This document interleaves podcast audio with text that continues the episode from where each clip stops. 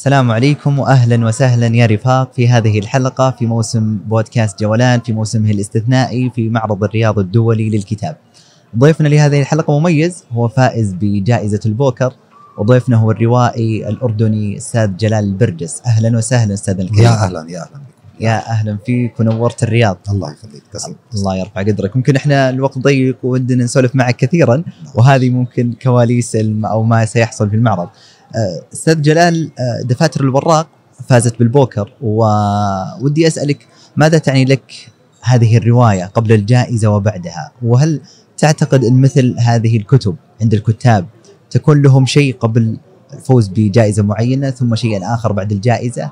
أو هي هي كما كتبتها؟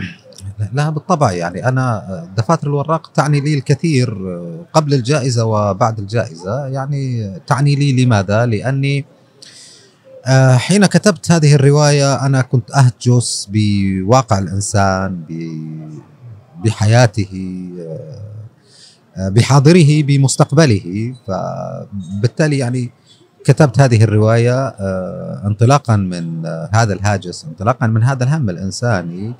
آه، ليس فقط في عمان إنما يعني في الدول العربية برمتها آه، آه، بعد فوز الجائزة الرواية هي هي يعني وعلاقتي بهذه الرواية ما تزال هي هي بالطبع. صحيح الجائزة يعني تسلط الأضواء على الرواية ويعني وتحول ال- ال- الروائي إلى نجم و يعني مثل هذه المسائل. لكن علاقتي بالرواية بالطبع هي علاقة جميلة وحميمية ويعني آه، حتى أني يعني في بعض الأحيان أعود لها وأقرأ بعض الصفحات. هل حصول هذه الرواية على البوكر هل زاد من حمل آه، أو ثقل المسؤولية؟ يعني بالطبع شوف ال- ال- الم- المسؤولية هذه يعني آه، متحصلة في آه، قبل الجائزة وبعد الجائزة. لكن بعد الجائزة باتت المسؤولية أكثر آه، خاصة أن يعني القراء العرب الآن ينتظرون الرواية القادمة لجلال برجس. ما الذي سوف يكتبه؟ أنا دائما يعني أتلقى العديد من الرسائل وأقرأ يعني الكثير من يعني تصريحات القراء حول انتظارهم للعمل القادم. آه، هناك مسؤولية بالطبع هناك مسؤولية ولكن أنا لا أكتب تحت الضغط لا أكتب يعني آه، تحت ضغط التخوف من العمل القادم. أنا كل ما هنالك أني سأنصت إلى صوتي الداخلي وأكتب عملي الروائي القادم. جميل جدا. دفاتر وراق اشتملت على بعد ثقافي سياسي اجتماعي إنساني. هذه التوليفة التي جمعتها الرواية وجمعها جلال في الرواية كيف يمكن التناقضات على مستوى يعني أو خلينا نقول قبل هذه النقطة ما هي الرسائل الرسالة السامية اللي أراد أستاذ جلال الوصول ليها في هذه الرواية؟ يعني الرسالة آه التي آه يعني آه أريد أن أوصلها للقارئ أو دعنا نقول يعني النقطة التي تتكئ عليها الرواية آه هناك ثيمة مهمة آه ألا وهي ثيمة البيت. آه وهذا البيت بالطبع له تعدد يعني أشكال المنزل الذي نعيش فيه بيت والقلب بيت والروح بيت. وبناء عليه يعني نحن في في مرحلة إشكالية في العالم هذه البيوت للأسف الشديد باتت مهددة من أكثر من زاوية من أكثر من جهة وبالتالي أردت أن أقول أن على الإنسان أن يحافظ على هذا التعدد من أشكال البيوت وأهمها بالطبع يعني الوطن الوطن في المحصلة هو بيت بيت للجميع. آه، كيف نحافظ على هذا البيت؟ علينا أن ننظر حول هذا البيت. هناك مجموعة من العناصر التي تعيننا على استشراف المستقبل والتنبؤ يعني بما يمكن أن يحدث. وهذا فحوى ما أردت أن آه، بالطبع يعني أن أوصله للقارئ بناء على آه، يعني مجموعة من الحكايات التي تروى من خلال عدد من الدفاتر. جميل جدا. هل نستطيع أن نقول أن دفاتر الوراق أوصلت ما كان يريد؟ أستاذ جلال ايصاله للقارئ العربي. يعني بناء على هذا الانتشار الرهيب ويعني توالي الطبعات لدفاتر الوراق أعتقد أن يعني آه، ما أردت أن أقوله من خلال دفاتر الوراق- قد وصل وإن شاء الله سيصل أكثر. جميل. أتوقع أنك لم تعتقد أن تفوز بهذه الجائزة لكنك كنت متأمل. سؤالي أين تكمن النقطة التي يمكن لل- للمؤلف أن ينتبه لها في عمله من أجل الوصول إلى جوائز عالمية مثلا؟ آه، الصدق. على على يعني اولا على الكاتب أن يكون صادق آه، في آه، كتابة نصه سواء كان يعني آه، النص الروائي أو النص القصصي أو أي نص نكتبه يجب أن نكون في أعلى درجات صدق اولا مع أنفسنا والمسألة الأخرى مع القارئ. ومن ثم يفكر بالجائزة، على الكاتب أن لا يفكر بالجائزة وهو يكتب، هذا أمر الجائزة عليه أن يتركه فيما بعد. للقدر. نعم نعم. طيب من ناحية الكاتب بنفس الوقت يعني في مقولة إنه الكاتب الجيد بالضرورة قارئ جيد.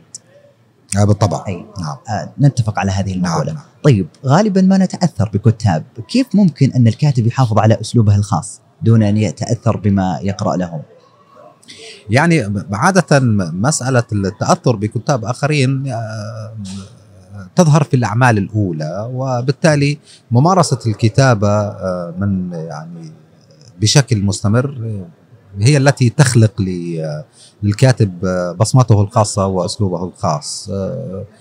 بالطبع عليه أن ينتبه وعليه أن ينصت لآراء القراء والنقاد وأن ينحاز إلى بصمته الخاصة.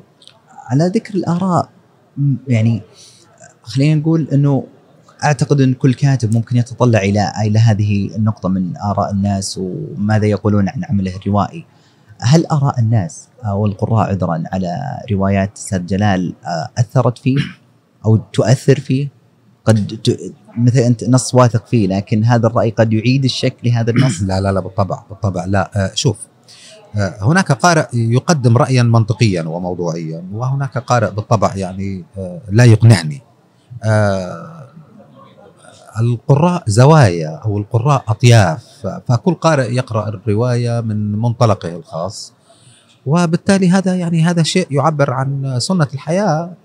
الحياة فيها تعدد وفيها أنماط عديدة و بالتالي أنا أتابع أتابع ما يعني ما ما يكتب عن الرواية من هنا وهناك لكن في المحصلة لي قناعاتي الخاصة. وما يقنعني بالطبع يعني يقنعني وما لا يقنعني بالطبع أتجاوزه.